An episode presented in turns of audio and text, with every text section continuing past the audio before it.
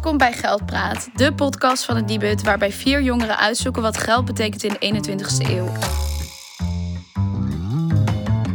Nou, we zijn deze podcast natuurlijk gestart allemaal als medewerkers van het Nibud. En de droom van het Nibud is een Nederland zonder geldzorgen. Met deze podcast willen we daar een stukje aan bijdragen door geldzaken bespreekbaar en toegankelijk te maken. In deze aflevering praten we met Barbara Braams. Ze is neurowetenschapper en doet onderzoek naar onder andere risicogedrag bij jongeren. We praten zo meteen over waarom jongeren meer kans hebben om in schulden te komen. Of je aan je hersenen kunt zien of je in de schulden komt. En Barbara vertelt ons of schulden je eigen schuld zijn. Nou, veel plezier.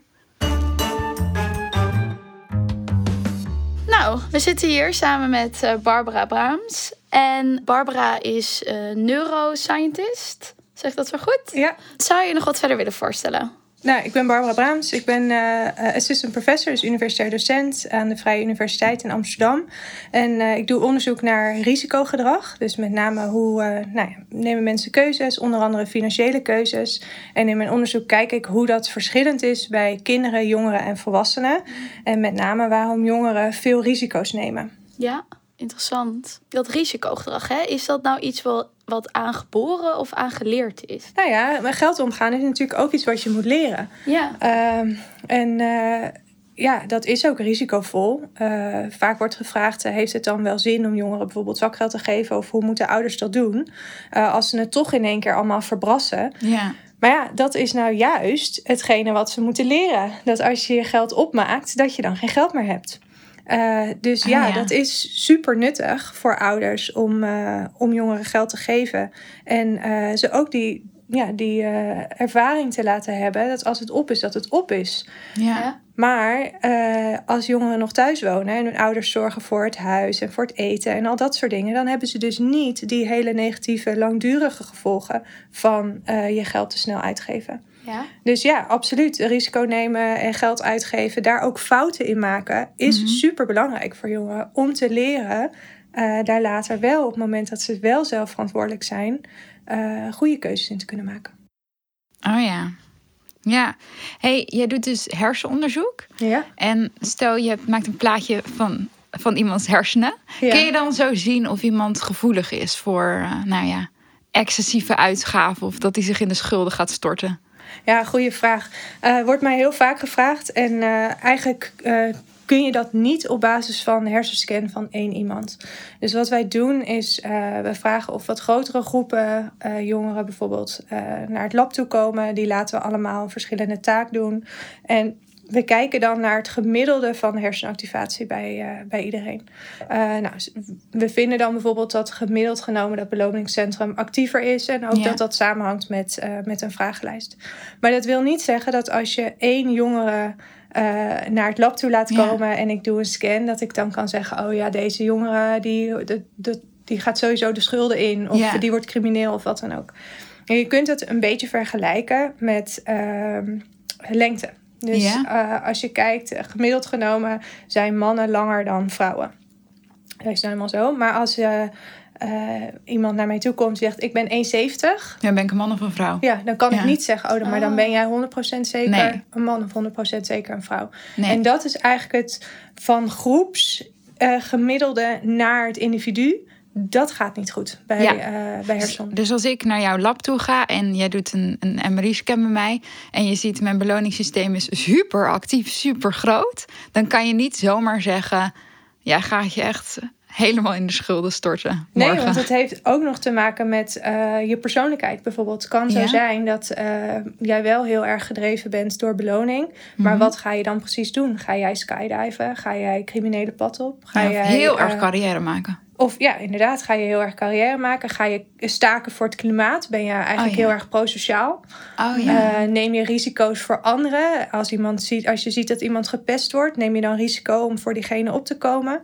Dus ik kan niet zeggen Nee. op basis van zelfs als je zou weten van deze persoon is heel erg gevoelig voor beloningen, wat voor effect dat op de lange termijn heeft en wat voor soort gedrag je gaat vertonen. ja.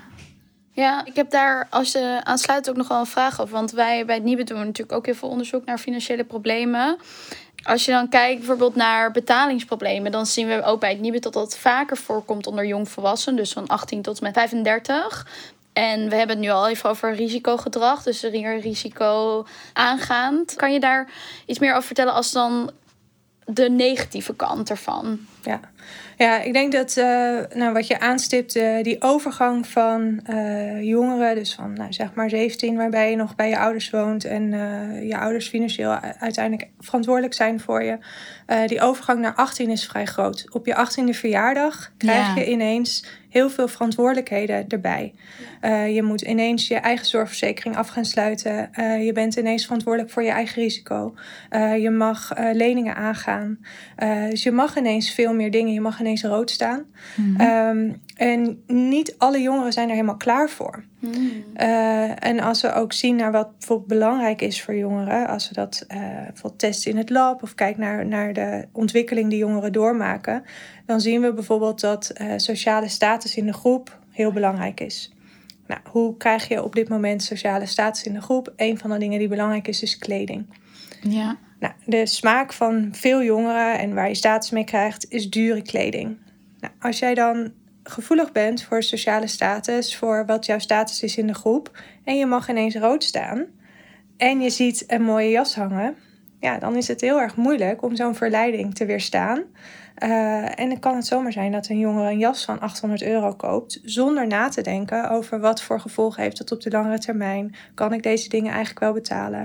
Ja. Uh, op internet kun je nu heel makkelijk met Afterpay uh, dingen ja. doen.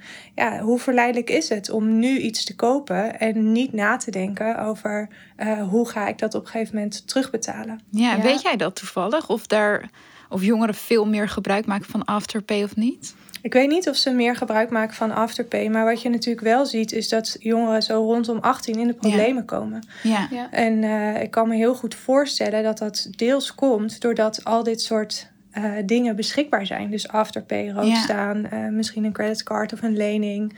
Ja. en financiële uh, producten zijn ook eigenlijk best heel ingewikkeld. Ja, dus als jij een lening aangaat van 2% rente, 4% rente, wat betekent dat precies? Wat betekent dat op de langere termijn? Hoeveel rente moet je eigenlijk betalen? Ja, hey, heeft het zin om, uh, om jongeren dan nou ja, dingen te leren daarover voordat ze 18 worden? Ja, dat denk ik wel. Kijk, um, je hebt natuurlijk heel veel verschillende processen die meespelen. Dus uh, deels uh, nou, die sociale status in de groep, uh, het zoeken naar beloningen. Nou, dat zijn allemaal processen, daar kun je niet zoveel aan sturen. Dat hoort nou eenmaal bij het jong zijn, van... Opgroeien. Ja, inderdaad. Het, het jong zijn en het opgroeien. Um, er zijn ook heel veel onderzoeken geweest, bijvoorbeeld een heel klein uitstapje naar uh, alcoholgebruik. Ja. Uh, jongeren gebruiken natuurlijk vrij veel alcohol uh, en drugs. En in Amerika was dan het idee van, nou, maar dan weten ze dat niet. Weet je wel, hoe slecht dat is voor, nee, voor je ontwikkeling of wat dan ook. Dan moeten we ze dat leren. Maar dat heeft dus nul effect. Want het, en het, dat komt omdat het niet zo is dat jongeren niet weten wat de gevolgen zijn van alcoholgebruik of van drugsgebruik. Maar ze vinden het belangrijker om bij de groep te horen of om uh, die alcohol te gebruiken en daar een goed gevoel van te krijgen. Dus eigenlijk maken ze wel gewoon een risicoafweging. Ja, absoluut. En die helpt dan over naar ja, de verkeerde kant. Ja, het is helemaal niet zo dat ze niet snappen wat de risico's zijn. Dat ze niet snappen wat de afweging is. Maar ze leggen de nadruk op andere dingen dan volwassenen. Ze maken andere keuzes. Maar niet uh, doordat ze dat niet afwegen. Maar omdat ze andere dingen belangrijker vinden. Maar als je nu kijkt naar financiële uh, beslissingen, dan zou ik me heel goed voor kunnen stellen dat jongeren niet precies weten wat de gevolgen zijn van verschillende beslissingen. En als je dat niet weet, ja, dan kun je niet de goede beslissing nemen. Dus ik denk dat wat het anders maakt tussen het alcohol-drugsgebruik en de financiële dingen, uh, is dat jongeren niet altijd de kennis hebben. En dan helpt het natuurlijk wel om uh, die kennis over te brengen. In een experiment wat Nanne met ons heeft gedaan, leerden wij over ons eigen financieel gedrag. Nou, laten we daar naar luisteren. In Nanne's Geldlab ga ik elke aflevering op zoek naar de wetenschap achter ons geld. Max, ik ga jou een dilemma voorleggen en je moet een keuze maken. En dan ben ik heel erg benieuwd naar wat voor keuze je gaat maken. Stel je voor dat je de hele dag aan het winkelen bent geweest. En een van de dingen waarnaar je op zoek bent is een laptop. En uiteindelijk kom je in een winkel die door jou gezochte model verkoopt voor 1000 euro. En je vindt dat een redelijke prijs. Maar het is niet de allerlaagste die je die dag bent tegengekomen. Een andere winkel, waarvoor je op weg naar huis een half uur moet omrijden, biedt hem aan voor 965 euro. Neem je de laptop van 1000 euro of besluit je om om te rijden naar een andere winkel voor het exemplaar van 965 euro? Ik denk dat ik voor die 35 euro na een hele dag winkelen gewoon die van 1000 neem. Ja? Ja. Wat zijn je gedachten daarachter? Uh, ik denk dat ik op dat moment gewoon snel naar huis wil. Uh, ik heb. Zo groot is het verschil niet op 1000 euro, 35 euro. Nee. Dus dan Ja. denk je van ja, dan neem je gewoon die laptop. Ben je er blij mee? Ja, Moe. precies. Zeker. Van al het shoppen. Hey Julia, ik ga je nu een vraag voorleggen. Oké. Eh, en je moet een keuze maken. En dan ben ik heel erg benieuwd naar wat voor keuze je gaat maken. Dus stel je voor, je bent de hele dag aan het winkelen geweest. En een van de dingen waar je naar op zoek bent, is een eh, muziekbox. En je komt uiteindelijk aan het einde van de dag in een winkel die het door jou gezochte model verkoopt voor 100 euro. Eh, je vindt dat een best wel redelijke prijs, maar het is niet de allergoedkoopste die je bent tegengekomen. Een andere winkel, waarvoor je op weg naar huis een half uurtje moet omrijden, die biedt hem aan voor 65 euro. En nu is de vraag: neem je de muziekbox van 100 euro of besluit je om te rijden naar een andere winkel voor het exemplaar van 65 euro? Ik Mijn eerste gedachte was eerst, ik koop hem gewoon. Want ik ben altijd, ik hou heel erg altijd van gemak. Maar eigenlijk denk ik, ja, 35 euro is best wel nog wel veel geld. Zeker ten opzichte van 100. ja, ja. Dus ik denk dan dat ik toch wel dat half uurtje zou omrijden. Ja, toch dat je denkt van dat is het wel waard voor die 35 euro om Ja. dan eh, die Ja. goedkopere muziek. Ik denk als ik bijvoorbeeld met mijn vriend was geweest. Mijn vriend is nog makkelijker dan ik. Ja, En die eh, zou sowieso die voor 100 euro kopen. Die, ja, die ja. denkt echt, tijd is ook geld. Geld. Ik heb geen zin om om te rijden. Mhm. Ik nee, ik koop gewoon nu deze. Ja. Ik heb, ben naar het winkelcentrum gegaan. Ik heb al een hele dag erop zitten. Maar ik denk als ik, als ik het zo hoor, dat ik toch... Ja, 35 euro ten opzichte van 100, dan zou ik eh, omrijden. ja, dan zou je dat wel gaan doen. Oké, nou. Hoi Johanne, ik ga jou nu een eh, dilemma voorleggen. Stel je voor dat je de hele dag aan het winkelen bent geweest. En een van de dingen waar je naar op zoek bent, is een muziekbox. Ten slotte kom je in een winkel die eh, het door jou gezochte model koopt voor 100 euro. Dat vind je een redelijke prijs. Maar het is niet de laagste prijs die je bent tegengekomen die dag. Een andere winkel biedt hem ook aan, maar dan voor 65 euro. Neem je de muziekbox van 100 euro of besluit je om te rijden naar een andere winkel voor het exemplaar van 65 euro. En dan ga je ongeveer een half uurtje moet je omrijden voor die goedkope Ik wil heel graag een muziekbox. soort van boombox of zo. Ja, Die kost 100 euro in de winkel waar ik nu ben. En ik kan hem in een andere winkel krijgen voor 65. Tenminste, dat heb ik vandaag gezien. Maar is wel een half uur rijden. ja. Ik denk dat ik hem zou kopen gewoon. Fuck it. Toch? ja. en, en waarom zou je niet eh, ehm, omrijden? Ik stel me voor dat ik de hele dag heb gewinkeld. Dat vind ik sowieso niet zo heel leuk. Ben ik helemaal moe. En dan moet ik zeker een half uur gaan fietsen. eh, voor 35 euro. Nou ja, dat is op zich een uurtarief van 70 euro netto. Dus misschien zou ik dat eigenlijk moeten doen. Eh, Oké, wacht. Ik wil mijn antwoord veranderen. Ja, mag. Jawel, ik zou, ik zou daarheen gaan. Ja. Ja. Nou, ik heb iedereen weer bij elkaar gehaald. En ehm, ik heb jullie een ander dilemma voorgelegd. Dus Johanna en Max hadden hetzelfde. Hadden we Eh, hetzelfde? nee, eh, Johanna en Julia hadden hetzelfde, Oh, ja. maar Max had een andere. En in beide scenario's eh, kon je 35 euro besparen om een half uur om te rijden. Maar ehm, Max, die had ik gezegd dat hij een laptop wilde van 1000 euro met 35 euro korting. En bij jullie was de muziekbox van 100 euro met 35 Ah. euro korting. En nou ja, de meeste mensen die zeggen dat ze willen omrijden voor die muziekbox, maar niet voor de laptop. En eigenlijk heeft onze zuinigheid daardoor bizarre consequenties. Want we gaan uren surfen op het internet voor 50 euro korting op een paar schoenen bijvoorbeeld. Maar als we een eh, nieuwe auto kopen van 20.000 euro en dan 100 euro kunnen bezwaren, dan denken we, ja, laat maar zitten. Ah, ja. Ja, Ja, grappig. want de meeste mensen kiezen dus om om te rijden voor die muziekbox Ja. en eh, niet voor die laptop. Terwijl in de rationele theorie van de economie zou eigenlijk de omrekenregel van tijd en geld hetzelfde moeten zijn. Of je 35 euro bespaart voor een half uur omrijden, moet niet uitmaken in welk scenario dat wel doet of in welke niet. Maar eigenlijk is ons gedrag dus niet zo heel rationeel. Nanne heeft een experimentje op ons uitgevoerd. Was best wel grappig om te doen. En Nanne legt ons uit dat het heel vaak voorkomt, maar dat ze dit ook bij arme mensen in arme wijken hebben getest. En dat dit effect minder groot was. Herken je dit? Eh, zie je dit in hersenen? Of, uh... Ja, nou, ik herken het wel. Want het is een grappig effect. Uh, eigenlijk gaat, is ook weer context. Hè? Dus 35 euro is eigenlijk altijd 35 euro. Maar als iets 100 euro is en je haalt er 35 euro vanaf, is natuurlijk een relatief veel grotere hap geld die je eraf haalt dan als iets 1000 euro is. Wij denken altijd dat we heel erg uh, rationeel zijn in onze keuzes. En dat was ook heel lang was dat het idee vanuit de economie, dus de homo economicus, ja. weet je, die altijd uh, de keuzes maakt rationeel en gebaseerd op, uh, op de beste keuze van geld. Maar het is helemaal niet zo. En een van de nou ja, dingen waar je het ziet is bijvoorbeeld perceptie. Ik weet niet of je de, de dress nog kunt herinneren. Die oh, die paarse en ja. goud of zo? Ja, ja, een paar jaar geleden was er zo'n uh, foto, die was toen viral gegaan. Van is deze gestreepte jurk, is die ja wit met, uh, wit met blauw of is die goud met nou ja, nog iets. en dat is dus afhankelijk van de context of jij dat als blauw met wit ziet of als goud gestreept. En dat is eigenlijk ook wat je hier ziet. Ja. Dus afhankelijk van de context maken wij andere beslissingen over wat eigenlijk absoluut gezien hetzelfde, ja. hetzelfde geld is.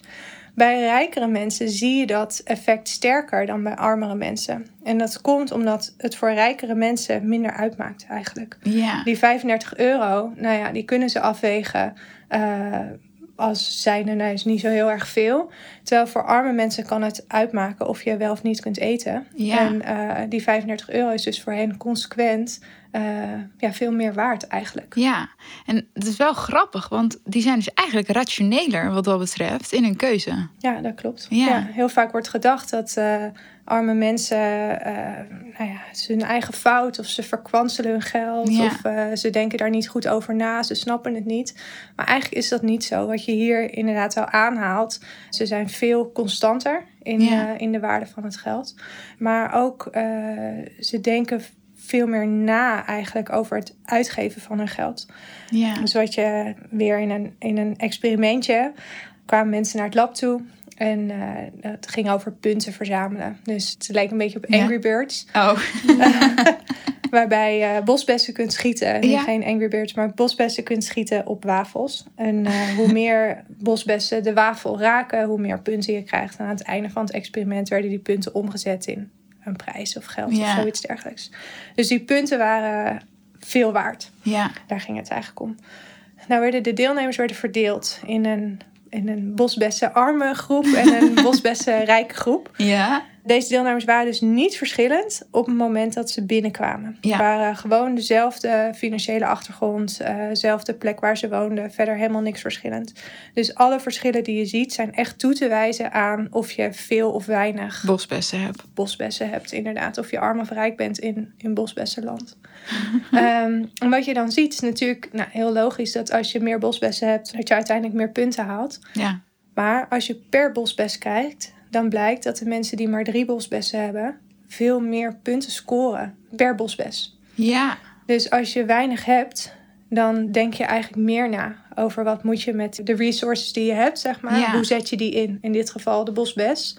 En mensen die dat niet zoveel hadden, die eh, deden veel meer hun best om echt die wafel te raken en meer Ja. punten te scoren. Dus het is helemaal niet zo dat arme mensen niet weten hoe ze met hun geld om moeten gaan of dat zomaar eh, Ja. Ja, verkwisten eigenlijk. De hoofdvraag van deze aflevering is: zijn schulden je eigen schuld? We hebben dat de mensen op straat gevraagd. Geldpraat op straat. Ik ging de straat op en ik vroeg: Zijn schulden eigenlijk je eigen schuld? Ehm, deels. Want je hebt zelf wat gedaan, daar moet je ook wel wat voor terug doen, vind ik. Omdat zeg maar, sommige schulden kunnen heel hoog zijn wel. En dan is het gewoon te hoog. En dan kunnen mensen bijvoorbeeld niet betalen en dan krijgen ze daardoor weer schulden. Ja, ik vind het ook deels. ehm, omdat sommige schulden die, die zijn er niet door jezelf.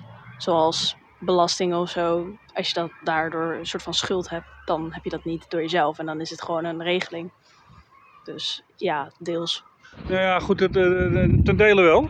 En ten dele ook weer niet. Zoals jullie allemaal ongetwijfeld weten, zijn de, van, de, van het nieuwe worden de schulden heel dikwijls verergerd eigenlijk door de administratieve Ja. terreur die er vervolgens van eh, de gemeentezijde, de regeringszijde wordt uitgeoefend. Waardoor mensen eigenlijk van een relatief kleine, kleine schuld, die al dan niet door eigen schuld ontstaan Ja. is, in eh, onoplosbare perikelen terechtkomen. In sommige gevallen wel. Ligt aan hoe je aan die schuld bent gekomen. Als je geen geld hebt, je hebt nooit wat gespaard, je gaat toch een nieuwe auto kopen. Je steek je dan diep in de schulden, dan ben je natuurlijk niet zo slim bezig. Dus dat zijn schulden die, waar ik weinig begrip voor heb. Maar als jij een mooi huis koopt en je steekt je in de schuld, om te wonen met je gezin, dat vind ik weer een heel acceptabele schuld. Dat zijn, als je, je moet het geld eens uitgeven als je het hebt. Behalve voor een woning. Ik denk dat voor woning anders is. We horen op straat dat sommige mensen vinden dat schulden niet helemaal je eigen schuld zijn. Hoe kijk jij daar tegenaan, Barbara? Ik vind het een hele interessante vraag. Zijn schulden je eigen schuld? Omdat er zo ontzettend veel dingen in die vraag zitten eigenlijk. Eh, en eh, eh, of jij vindt dat schulden je eigen schuld zijn, ehm, bepaalt ook hoe je vindt dat mensen er weer uit moeten komen. Nou, Eh, zeker, ja. ja, en, en of dat je eigen verantwoordelijkheid is, of dat de mensen geholpen moeten worden. Aan de ene kant snap ik het. Als mensen zeggen schulden zijn je eigen schuld. En deels is dat natuurlijk ook zo. Ja. Eh, jij hebt zelf dat geld uitgegeven. Ja. En je maakt zelf die keuzes. Is niemand die tegen jou zegt je moet dit kopen of je moet dat kopen. Ja. Aan de andere kant zien we ook dat mensen eh, afhankelijk van de situatie waarin ze zitten, voorspelbaar andere keuzes gaan maken dan Ja. als ze in een andere situatie zitten. Zoals? Nou ja, wat ik net zei met die bosbessen. Dus Met als je bosbessen, minder ja. bosbessen hebt, dan eh, ga je eh, be- ja, beter focussen Eigenlijk, eigenlijk. beter met geld om. Ja, beter met geld om. Ja. Eh, dus het is niet zo dat dat geld zomaar verkwanseld wordt. Wat we ook zien is dat, en wat een groot probleem is bij schulden, is lenen. Ja. Dus op het moment dat je geld gaat lenen, eh, gaat het over het algemeen niet goed. Ehm, lenen zorgt ervoor dat je op dit moment misschien de dingen die je eh, nodig hebt wel kunt betalen. Maar op een lening zit altijd rente. ja. En dat betekent dat volgende maand eh, nou, heb je nog steeds hetzelfde inkomen. Dus Ja. als je altijd structureel meer uitgeeft dan wat je erin komt, Ja. heb je volgende maand ook een probleem. Maar dan heb je ook de rente op die lening. ja, dus eigenlijk ben je meer geld kwijt natuurlijk. Eigenlijk ben je meer geld kwijt. Dus op het moment dat je gaat lenen en je eh, nou ja, dat niet meer kunt, eh, kunt aflossen en niet meer kunt bijbenen eigenlijk, krijg je een groot probleem. En wat we zien is als je weer mensen uitnodigt naar het lab en ze laat ze een spel spelen wat een beetje lijkt op 5 tegen 5. Wat is 5 tegen 5? 5 tegen 5 is een spelprogramma waarbij Oh. eh, er een vraag gesteld wordt en eh, mensen moeten een antwoord geven. Er wordt een vraag gesteld en die vraag is ook gesteld aan een hele grote groep anderen. Ja. Die hebben daar antwoorden op gegeven en jij moet eigenlijk raden wat het antwoord is dat die, dat die groep heeft gegeven. Nou, klinkt superleuk. Ja, Eh, een voorbeeld is bijvoorbeeld, eh, stel dat eh, Barbie veel geld nodig heeft ineens. wat kan ze verkopen? Nou ja, haar paard, haar ja. huis, eh, Ken. Er zijn natuurlijk heel veel antwoorden. kan. Je kan, ja. Shelly of zo, ja. Ja. Oké. Dus je moet eigenlijk gokken wat heeft die groep gezegd. En als een groot percentage van die groep dat heeft gezegd, krijg je meer punten, zoiets dergelijks. Nou kun je kijken als je mensen dat laat doen, dat spel laat doen. Je nodigt ze weer uit naar het lab. eh, en je verdeelt ze weer in groepen. De ene groep, nu gaat het niet over bosbessen, Oh. maar over seconden. Seconde. Eh, de ene groep is arm en de Ja. andere groep is rijk. En dit keer in seconden. Eh, dus de ene groep heeft weinig seconden om die antwoorden te geven. En de andere groep heeft veel seconden. Wat je ziet is dat mensen die weinig seconden hebben... eigenlijk te weinig om goede antwoorden te kunnen geven... op het moment dat ze de mogelijkheid krijgen om seconden te lenen van een volgende ronde... dus ze Ja. spelen een aantal rondes... gaan ze dat alle, bijna allemaal doen. Oh, en dan hebben ze de volgende keer nog minder tijd. Ja, en de Oh, volgende ja. keer hebben ze nog minder tijd. Ik wou er inderdaad wel een... een eh, want volgens mij heeft dat ook dus te maken met stress. Ja.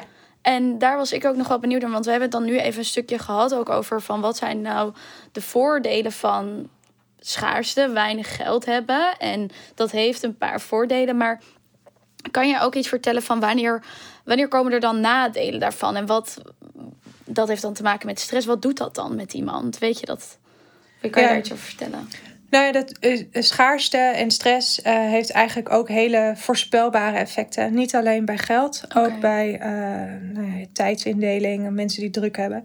Op het moment dat je te veel moet doen of te veel uit moet geven voor de middelen die je hebt, het zij tijd, het zij geld, dan ga je focussen op de dingen die op dit moment belangrijk zijn. En we noemen dat tunneling. Ja. Ze wil eigenlijk zeggen dat je in een tunnel zit en alles wat buiten de tunnel zit, zie je niet meer. Nou, wat zijn nou dingen die buiten de tunnel komen? Dat zijn dingen die niet op dit moment heel erg acuut zijn.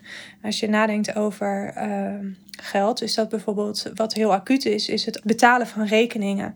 Eh, Op het moment dat je daar zo op gefocust bent van ik moet nu deze maand dit betalen, denk je minder na over wat de gevolgen zijn van bijvoorbeeld het nemen van een lening. Ja. Dus het nemen van een lening om op dit moment je dingen af te betalen, wordt op dat moment belangrijker dan de dingen die je in de toekomst, eh, de problemen die je in de toekomst krijgt op het moment dat je daar een lening voor afsluit. Ja, dat is dan nog. Nu is het heel duidelijk. En dat in de toekomst is nog wat abstract. Dus je denkt van ik heb nu een rekening om mijn energie te betalen. Dat wordt misschien afgesloten. Dan ga ik er nu een lening bij nemen.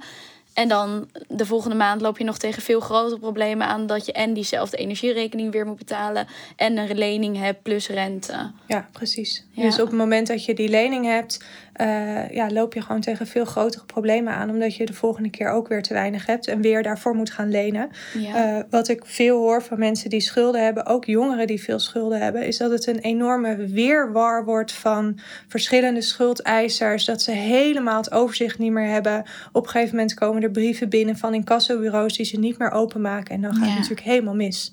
ja. Dat je gewoon niet meer, die zoveel stress hebt eh, van die situatie, dat je ook niet meer na kunt denken: eh, hoe kom ik eruit? Weet je wel, wat, wat is het eigenlijk? Wie zijn eigenlijk al mijn schuldeisers? Het lukt niet meer om dat op een lijstje te krijgen en om het overzicht te krijgen en om eh, je inkomsten en je uitgaven op een rijtje te zetten, omdat het allemaal niet binnen je tunnel valt. Die tunnel is het acuut nu afbetalen van de dingen die ja, inderdaad nu afgesloten worden of nu nou, de deurwaarde die nu voor je deur staat. Als jij genoeg geld binnenkrijgt elke maand om al je lasten te kunnen betalen en je kunt geld opzij zetten voor onverwachte uitgaven, dan maakt het niet zoveel uit. Dan heb je die 1200 euro misschien wel. ja. Maar als je net op die grens zit, dus je krijgt net voldoende binnen, waardoor je al je rekeningen kunt betalen. En je moet een beetje focussen op de dingen die je af moet betalen. Misschien moeten de kinderen op schoolreisje of wat dan ook. Ja, dan heb je niet meer de ruimte om even te kijken: hé, hey, eh, wat zijn eigenlijk de dingen die ik misschien over een paar maanden moet betalen? Moet ik daar nu al geld voor opzij zetten? Op het moment dat die schulden of die rekening dan komt Ja. en je hebt geen 1000 euro, dan heb je dus wel een probleem. Ja. En dat is het type schok eigenlijk, wat ervoor kan zorgen dat je richting leningen, richting armoede gaat. Stel jij was de overheid in je eentje. hoe zou jij, hoe zou, wat zou jij hieraan doen? Hoe zou jij beleid maken? Ik vind dat heel erg lastig om te zeggen, ook omdat het. eh, ik ben wetenschapper. Ja. Eh, dus eh, wat ik doe is. ik kijk naar dingen in de omgeving. Je observeert feiten. Ja, ik Ja. observeer dingen in de maatschappij. En nou ja, ik kijk cijfers van CBS en dingen die misschien niet goed gaan in de maatschappij of waar de problemen zitten. En vanuit mijn werk probeer ik daarnaar te kijken van wat zijn nou mechanismen, hoe komt het nou? Ehm, beleid is natuurlijk een hele andere, Ja. andere tak van sport. eh, waar niet alleen bij komt kijken hoe komt het nou, maar ook wat vinden we daarvan? En dat is een beetje die vraag van zijn schulden je eigen schuld? Ja. Ja. Want als jij zegt ja, schulden zijn je eigen schuld, dan zul je ander beleid maken dan eh, als je zegt nee, schulden zijn niet je eigen schuld. Want nou ja, al deze en deze processen spelen Ja. mee. Eh, en dat zijn politieke keuzes. ja. Dus je kunt vanuit wetenschappelijk onderzoek wel bekijken van wat zouden de, de effecten zijn, Consequenties zijn. van consequenties van verschillend beleid. Maar welk beleid ga je. ja, dat moet je kiezen Ja, uiteindelijk. het is een politieke keuze. En die, Ja. is, die is niet aan mij. Nee. Maar heb jij iets waarvan je zegt van nou, daar, dat is iets waar nu heel weinig aandacht aan wordt besteed. En dat, dat zou ik wel graag willen zien dat daar misschien iets meer eh, aandacht aan wordt besteed in beleid. Ja, eh, ik denk wat we nou ja, eerder ook al hebben besproken, die overgang naar 18. Dat Oh ja. is een hele grote overgang op dit moment. Ehm, en je ziet ook dat daar problemen uit voortkomen. Je ziet dat uh, gewoon jongeren nadat ze 18 zijn geworden, uh, of leningen aangaan, schulden krijgen, uh, dat het beleid ervoor zorgt dat, dat die overgang voor problemen zorgt. En ik denk dat je daar wel iets aan kunt doen. we zien in andere facetten dat de overheid daar wel op in heeft gespeeld. Dus Welke bijvoorbeeld, facet? Nou, bijvoorbeeld, ja? eerder werd ook gezegd: als je 18 bent, dan ben je verantwoordelijk. En als jij een overtreding begaat of een, of een crimineel, uh, criminele daad, dan misdrijf pleegt, dan ben je daar volledig verantwoordelijk voor. We hebben jongerenrecht en we hebben volwassenenrecht. Op het moment dat je 18 bent, word je altijd berecht onder het volwassenenrecht. We weten nu vanuit onderzoek dat jongeren beïnvloed worden door hun omgeving. Ja. En uh, er is nu sinds een aantal jaar het jeugdstrafrecht, of het adolescentenrecht, is, uh, is opgerekt. Dus dat wil zeggen dat totdat je 25 bent, oh. kun je als jongvolwassene berecht worden onder het jeugdstrafrecht maar alleen in situaties waarvan we weten dat jongeren beïnvloed worden. Oh, dus interessant. Bijvoorbeeld uh, een jongere die een uh, tasje rooft van een oudere dame, maar die heeft dat gedaan omdat uh, dat zijn vrienden hem opjutten of zo. Die ehm, zou kunnen berecht kunnen worden onder het jeugdstrafrecht.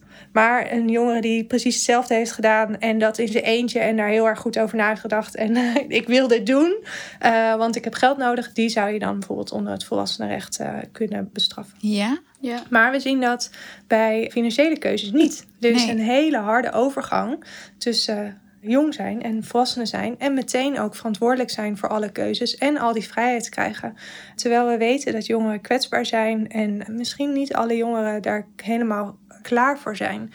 En dat is natuurlijk wel iets waar je met beleid uh, ja, aanpassingen aan kunt doen om ervoor te zorgen dat minder jongeren in de schulden komen en minder jongeren in de problemen komen. Ja, zou je dan zeggen misschien strengere leennormen of tot, tot 25 of ik zeg maar wat. Ja, er zijn natuurlijk heel veel dingen, heel veel knoppen waar je aan kunt draaien. En uh, dat is dan weer aan de beleidsmaker. Van hoe, wat doe je dan daadwerkelijk om ervoor te zorgen dat de jongeren uh, minder gaan lenen?